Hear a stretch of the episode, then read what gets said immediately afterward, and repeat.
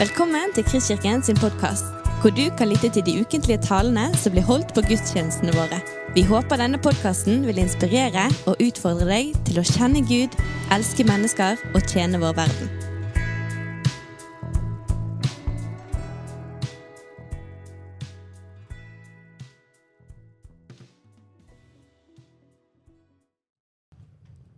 Ja, ære være Gud.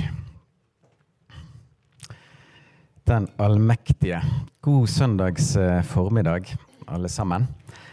Kort si at eh, mitt navn er Håvard. Jeg eh, er en del av ledelsen her for å tjene Gud og fellesskap som pastor. En av to som dere var med å be for i sted. Tusen hjertelig takk for, bønn. Du, denne uken så eh, kunne vi lese at eh, leder av eh, Unge Venstre vil ha de kristne helligdagene ut av kalenderen. Kristi himmelfartsdag er utdatert og tåpelig, sier hun. Vi burde fjerne alle de kristne helligdagene. Det er en etterleving fra en annen tid. Noen eh, blir kanskje sorgfull av eh, sånne ting, men at kirke og storsamfunn ikke alltid synger i kor, det er ikke annet enn å forvente. Slik er det overalt. Da stiller det gjerne seg annerledes med de forventninger vi kan ha til Guds kirke til våre trossøsken.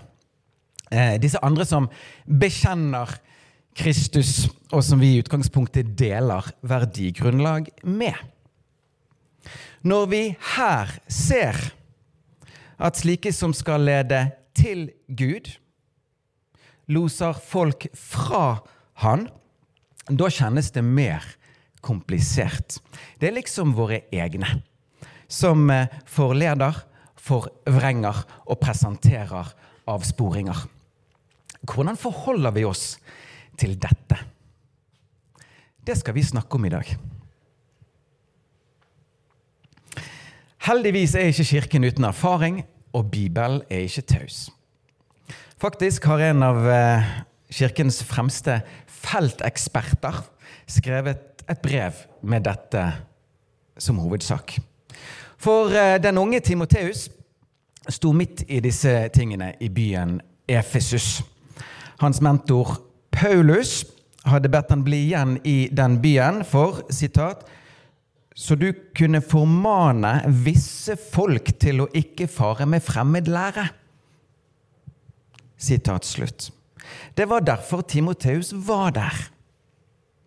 Og mens det første brevet han mottok fra Paulus, nærmest var som en praktisk tjenestemanual, så har brev nummer to et dypere siktemål. For Timoteus har det ikke lett. For dette er alt annet enn lette ting. Paulus skulle nok gjerne vært med han der i frontlinjen, men han sitter i fengsel i Rom. Og vel vitende om at han ikke har lenge igjen av sitt liv, så skriver han et personlig og styrkende brev til Timoteus. Brevet er omtalt som Paulus' testamente.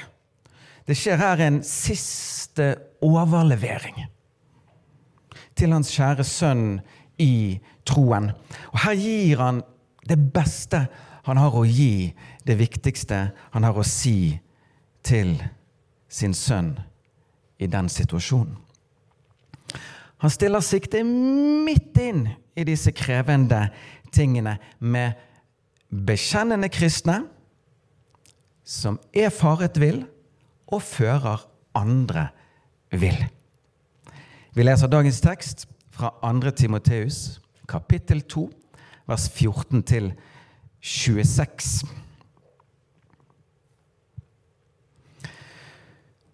For Guds åsyn skal du pålegge dem, altså menigheten, at de ikke skal ligge i ordkrig til ingen nytte, men til undergang for dem som hører på. Legg vind på å kunne fremstille deg for Gud som en som holder prøve. En arbeider som ikke har noe å skamme seg over, en som på rett måte utdeler sannhetens ord. Vend deg bort fra det vanhellige, tomme snakk, for de går bare videre og videre i ugudelighet. Deres ord vil ete om seg som villkjøtt. Blant dem er Hymenius og Filetus. De har faret vill fra sannheten, for de sier at oppstandelsen alt har funnet sted, og hos noen omstyrter de troen. Men Guds faste grunnvoll står og har dette seil. Herren kjenner sine, og hver den som nevner Herrens navn, skal avstå fra urett. I et stort hus er det ikke bare kar av gull og sølv, men også av tre og leire. Noen kar er til ærefullt bruk, andre til vanære. Den som nå har renset seg så han holder seg borte fra disse vanærens kar, blir selv et kar til ære. Helliget, nyttig for husbonden, satt i stand til all god gjerning. Fly fra ungdommens lyster og jag etter rettferdighet, tro, kjærlighet, fred med dem som påkaller Herren av et rent hjerte. Vis fra deg de tåpelige og uforstandige stridsspørsmål, for du vet at de føder strid. Men en Herrens tjener må ikke ligge i strid, men være vennlig mot alle, i stand til å lære andre, villig til å tåle ondt.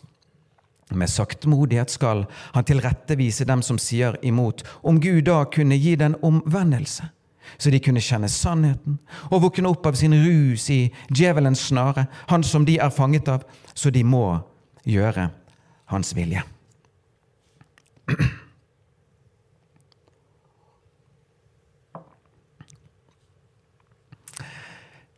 En sånn rikholdig tekst kan eh, angripes på mange måter. Hadde vi eh, vært en eh, si, forening av folk som hadde hatt lignende tjenester som Timoteus, så hadde nok vinklingen blitt deretter. Men min bønn har vært å kunne få hente ut noen linjer og prinsipper som er relevant for alle troende i møte med ting som dette. Og Det første jeg vil løfte fram fra Paulus' veiledning i dette, ligger på et helt overordnet plan. Litt forenklet sagt så sier han at denne type utfordringer hører Kirken til. Det er noe å forvente. I et stort hus, sier han, er det ikke bare kar av gull og sølv, men også av tre og leire. Noen kar er til ærefullt bruk, andre til vanære. Fritt oversatt Guds menighet rommer mye forskjellig. Slik et stort hus gjør det. Det kan vi mislike, men det må vi både venne oss til og forholde oss til. Det er en del av hva dette er. Noen har levd et langt og lutret liv i omgang med Ordet og Ånden. De er som sølvkar, de er helliget, innviet og renset. Gud ser sitt speilbilde i de. De er nyttige for ham. De ærer sin Herre. Andre kan man ikke si det samme om. Gud ser ikke sitt speilbilde i de. De er i sin Herres hus men de bringer ham ingen ære. Disse har gjerne egen ære for øyet, der man lever for seg sjøl, setter kursen sjøl og bøyer seg ikke for Herrens rensende ord. De bøyer heller på Hans ord, slik at det passer med egne preferanser. Så i dette huset lever kjøtt og ånd om hverandre. Glupske ulver og selvoppofrende lam. Råtne trekar, lutrede gullkar. Slik er det, og slik vil det være. Ikke bli forundret over dette spennet. Søk du heller å forholde deg rett og vist til det. Jesu rake og realistiske utsagn 'forførelser må komme' passer inn i dette. Og Vi ser det òg Johannes 6. At selv rundt Jesus var det store variasjoner i den utvidede disippelskaren. Det er noen av dere som ikke tror, sier han. Sett utenfra var det nok vanskelig å skille sauer fra geiter. Når dette så tydelig hører Kirken til, da gjelder det for oss som for Timoteus. Vi må lære å forholde oss rett og vist til dette. Ok. Finnes det råd? Det gjør det. Paulus kommer med noen. Jeg vil trekke fram tre av de i dag. For det første Hva nå enn som skjer rundt deg, lev du for Gud.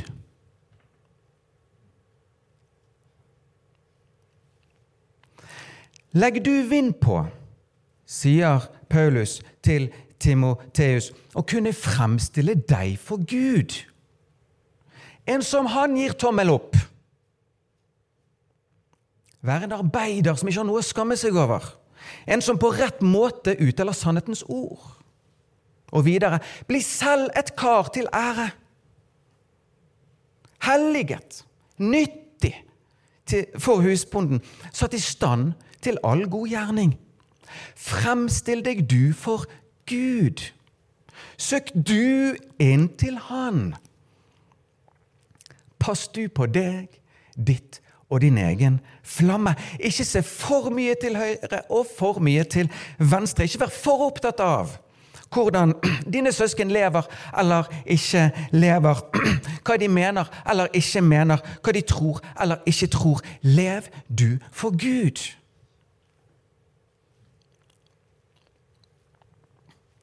Da jeg i en alder av 16 år ble grepet av Jesus på en spesiell måte, så begynte jeg og en venn å be for fotballaget vårt flere ganger i uken før trening. Vi ba om at våre venner skulle få komme til tro. Men på det laget var det en del andre som òg var kristne som ikke var like innviet og radikal som min venn og meg, syns vi. Så min venn og jeg hadde våre irritasjoner over hvordan disse andre framsto. De var liksom ikke så gode representanter for Jesus, syns vi. Og i takt med at frustrasjonen over disse balte på seg, så ble naturligvis vår bønnetid redusert. Vi trengte jo å bruke tiden på å få ut vår frustrasjon! Og snakke om disse brødrene som vi også måtte huske å be for. Men vi gikk jo rett i fæl. Etter hvert var det ikke noe bønn. Men en lærdom tok i ettertid bolig i meg Pass på din egen flamme. Vær ikke så opptatt av dine brødres mangel på ild.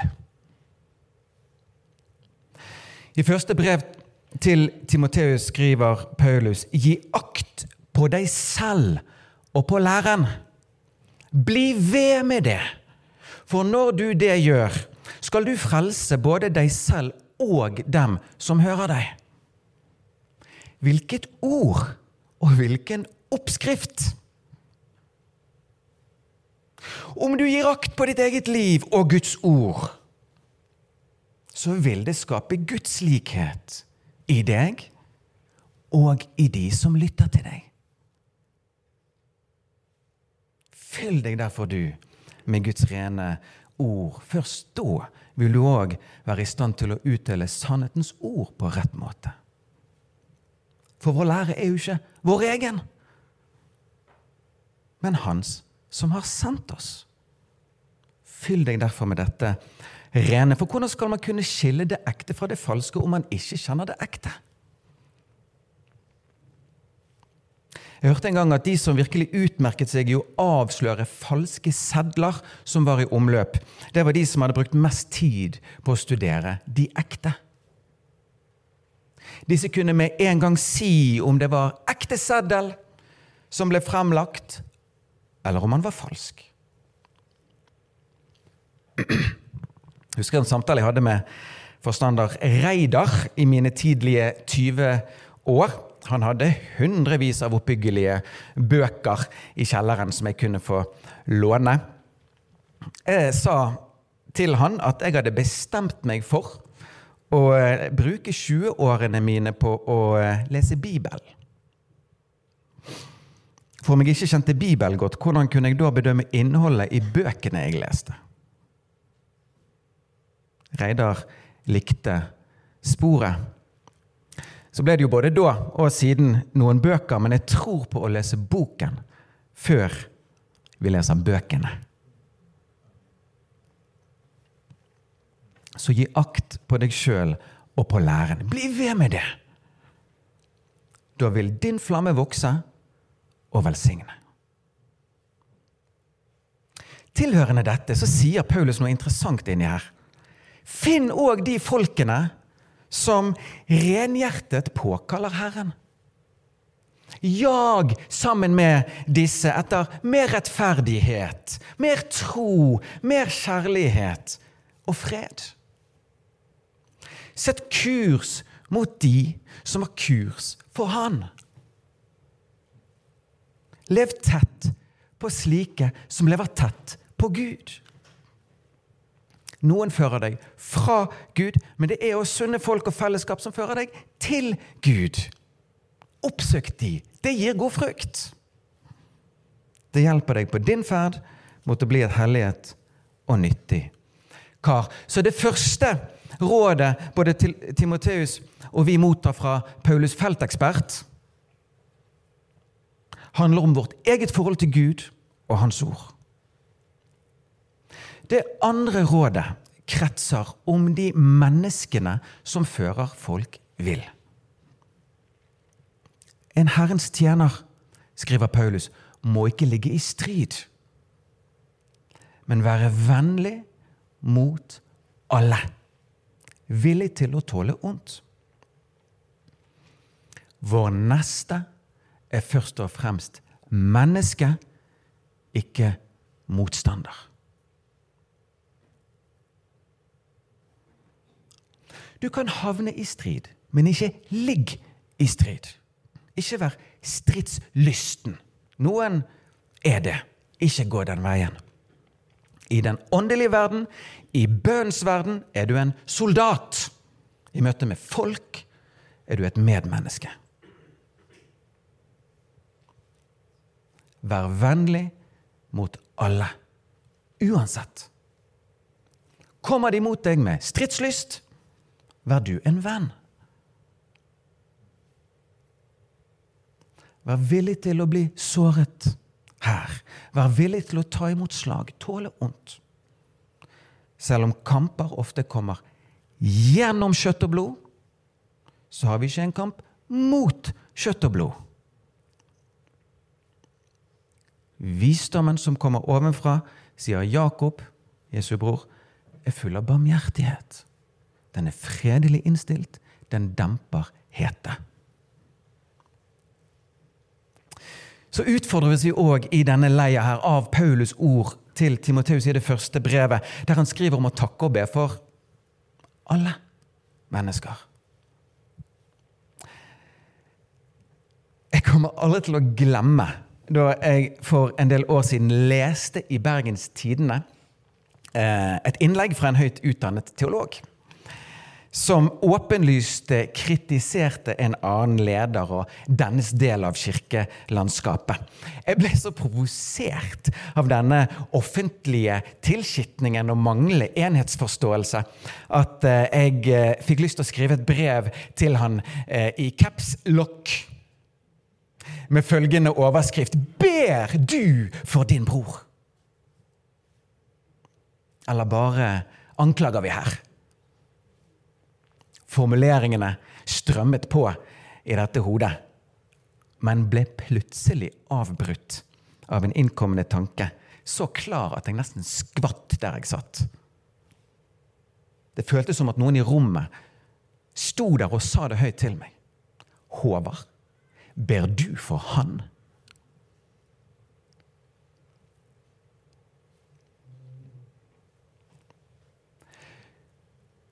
Så vil kanskje noen si, når brorskap her nevnes, det går vel en grense for hvem vi skal regne som våre søsken i troen. Det lurte nok Timoteus på òg. Til det sier bare Paulus det er Herrens sak. Herren kjenner sine. Han vet hvem som er født av han, og hvem som kun har slått følge.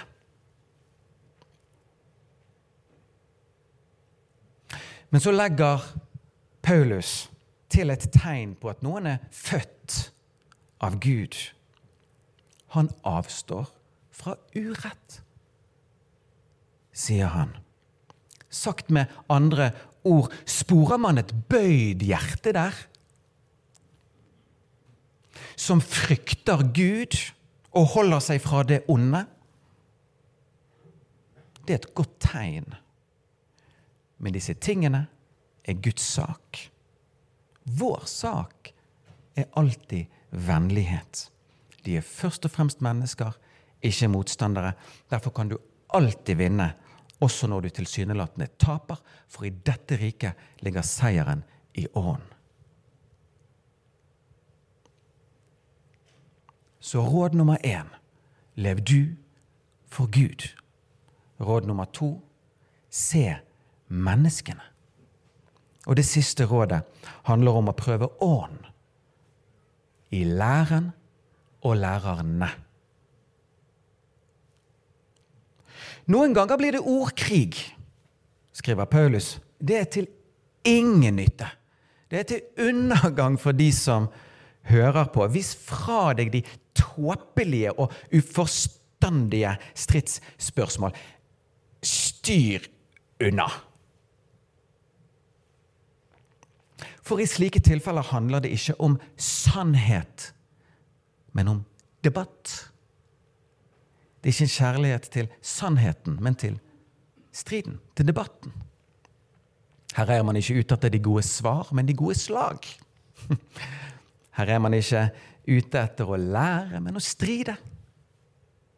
Du kan kjenne det igjen på endeløs problematisering, snåle definisjonskrav eller merkelige kvasiteologiske sidespor som ikke fører noen steds hen. Det er masse ord og null liv. Jeg hørte en gang at predikant, eh, predikanten Frank Mangs ble, ble, spurt på slutten av et langt liv i tjeneste om han ville gjort noe annerledes om han fikk begynne på nytt. Han sa jeg ville ikke sløst bort min energi på de som ikke ville la seg gripe. Så både Paulus og Mangs råder bare enkelt don't go there. Det er bortkastet tid og energi. Men ordet vender jo aldri tomt tilbake, står det i Guds ord. Vel, ordet som faller i god jord, vender ikke tomt tilbake. Men det finnes bedre ting å holde på med enn å så gressfrø på asfalt.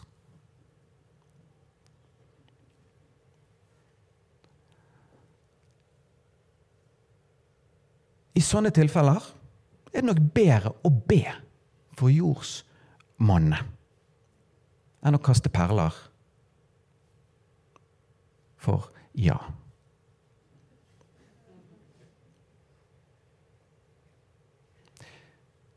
Men én ting er det dødfødte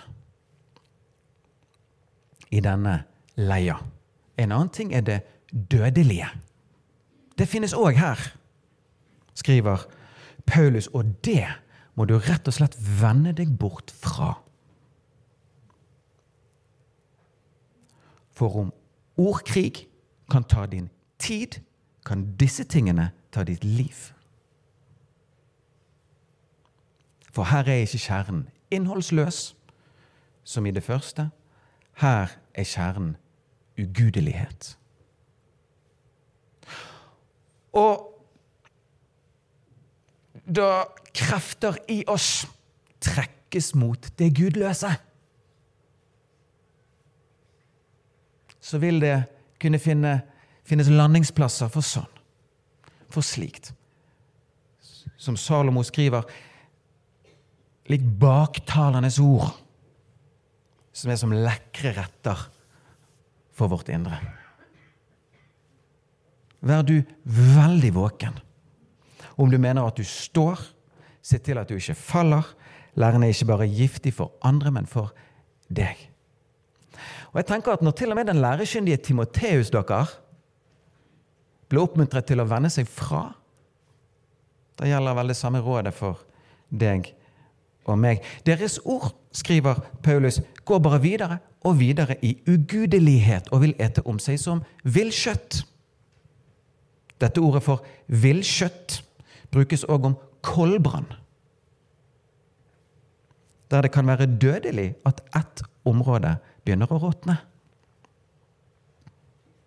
Det kan gå videre og videre og spre seg til friske felt og ende med troens død. Det Paulus her kaller for en omstyrtet tro. Men hva kjennetegner da lære med denne alvorlighetsgrad? Hvordan skille det giftige fra det riktige? Det ugudelige fra det gudelige? Reflekter gjerne sjøl over akkurat det. Det er òg et godt tema å samtale om i smågruppene. Men om jeg mot slutten her skal få fremlegge noen testpunkter eller prøvesteiner på vranglære, så vil jeg nevne følgende. Remse. Sås det tvil om at Jesus er Gud? Dårlig tegn advares mot i Guds ord. Sås det tvil om Guds ords autoritet? Velkjent sak. Har Gud virkelig sagt? Samstemmer det som sies med annet du kjenner fra Guds ord? Samstemmer det med Kirkens tradisjon og bekjennelser? Er det noe helt nytt, dette? Noe jeg aldri har hørt før? En alarm kan få melde seg. Faller lyset på Kristus eller et helt annet sted? Knytter det som fremlegges, knytter knytter det meg tettere til Kristus?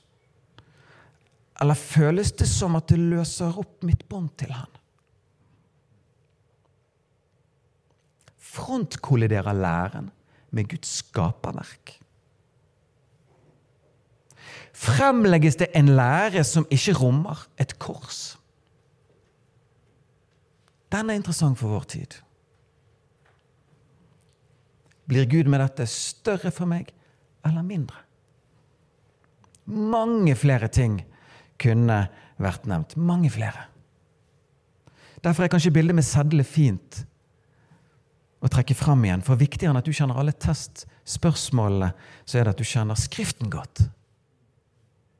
Da vil du raskt kjenne om læren er av Gud eller en annen. Dere farer vill fordi dere ikke kjenner Skriftene, sier Jesus hvilket er logisk. For hvis vi ikke kan prøve det vi hører, mot noe, da blir jo testen fort hvorvidt noe høres rett ut. Men uten fastepunkt så drives vi hit og dit.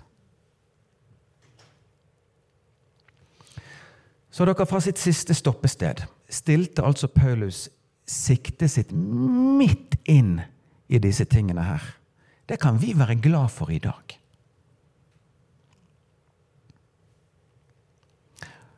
Om vi skal få prøve å oppsummere det vi nå har talt om, så ser vi for det første at det i Guds hus vil være både stort spenn og store spenninger. Dette er å forvente. Slik er det i Guds hus. Men det finnes råd for hvordan man kan ferdes i dette huset på godt vis. Vi har sett på noen av de i dag. 1. Lev du for Gud. Gi akt på deg sjøl og på læren. Ha fokus på din egen flamme. To. Se menneskene. Vi er først og fremst medmennesker, ikke motstandere. Vær derfor vennlig mot alle og overlat all dom til Gud. Tre. Prøv ånden i læren og lærerne. Styr unna det som er dødfødt, og det som er dødelig.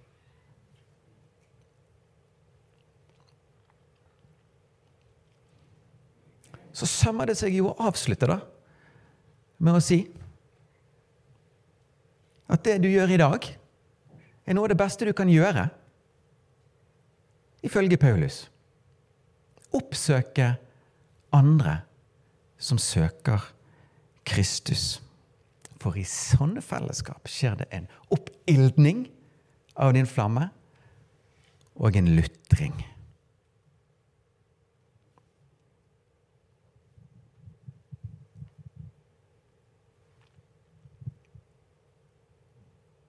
Så får dere prøve, da. Om det som nå er gitt, er dødfødt, dødelig eller livgivende. Du har lyttet til en podkast fra Kristkirken i Bergen. Vi håper du har blitt inspirert og utfordret i din vandring med Gud. Vil du vite mer om oss, så klikk deg inn på kristkirken.no.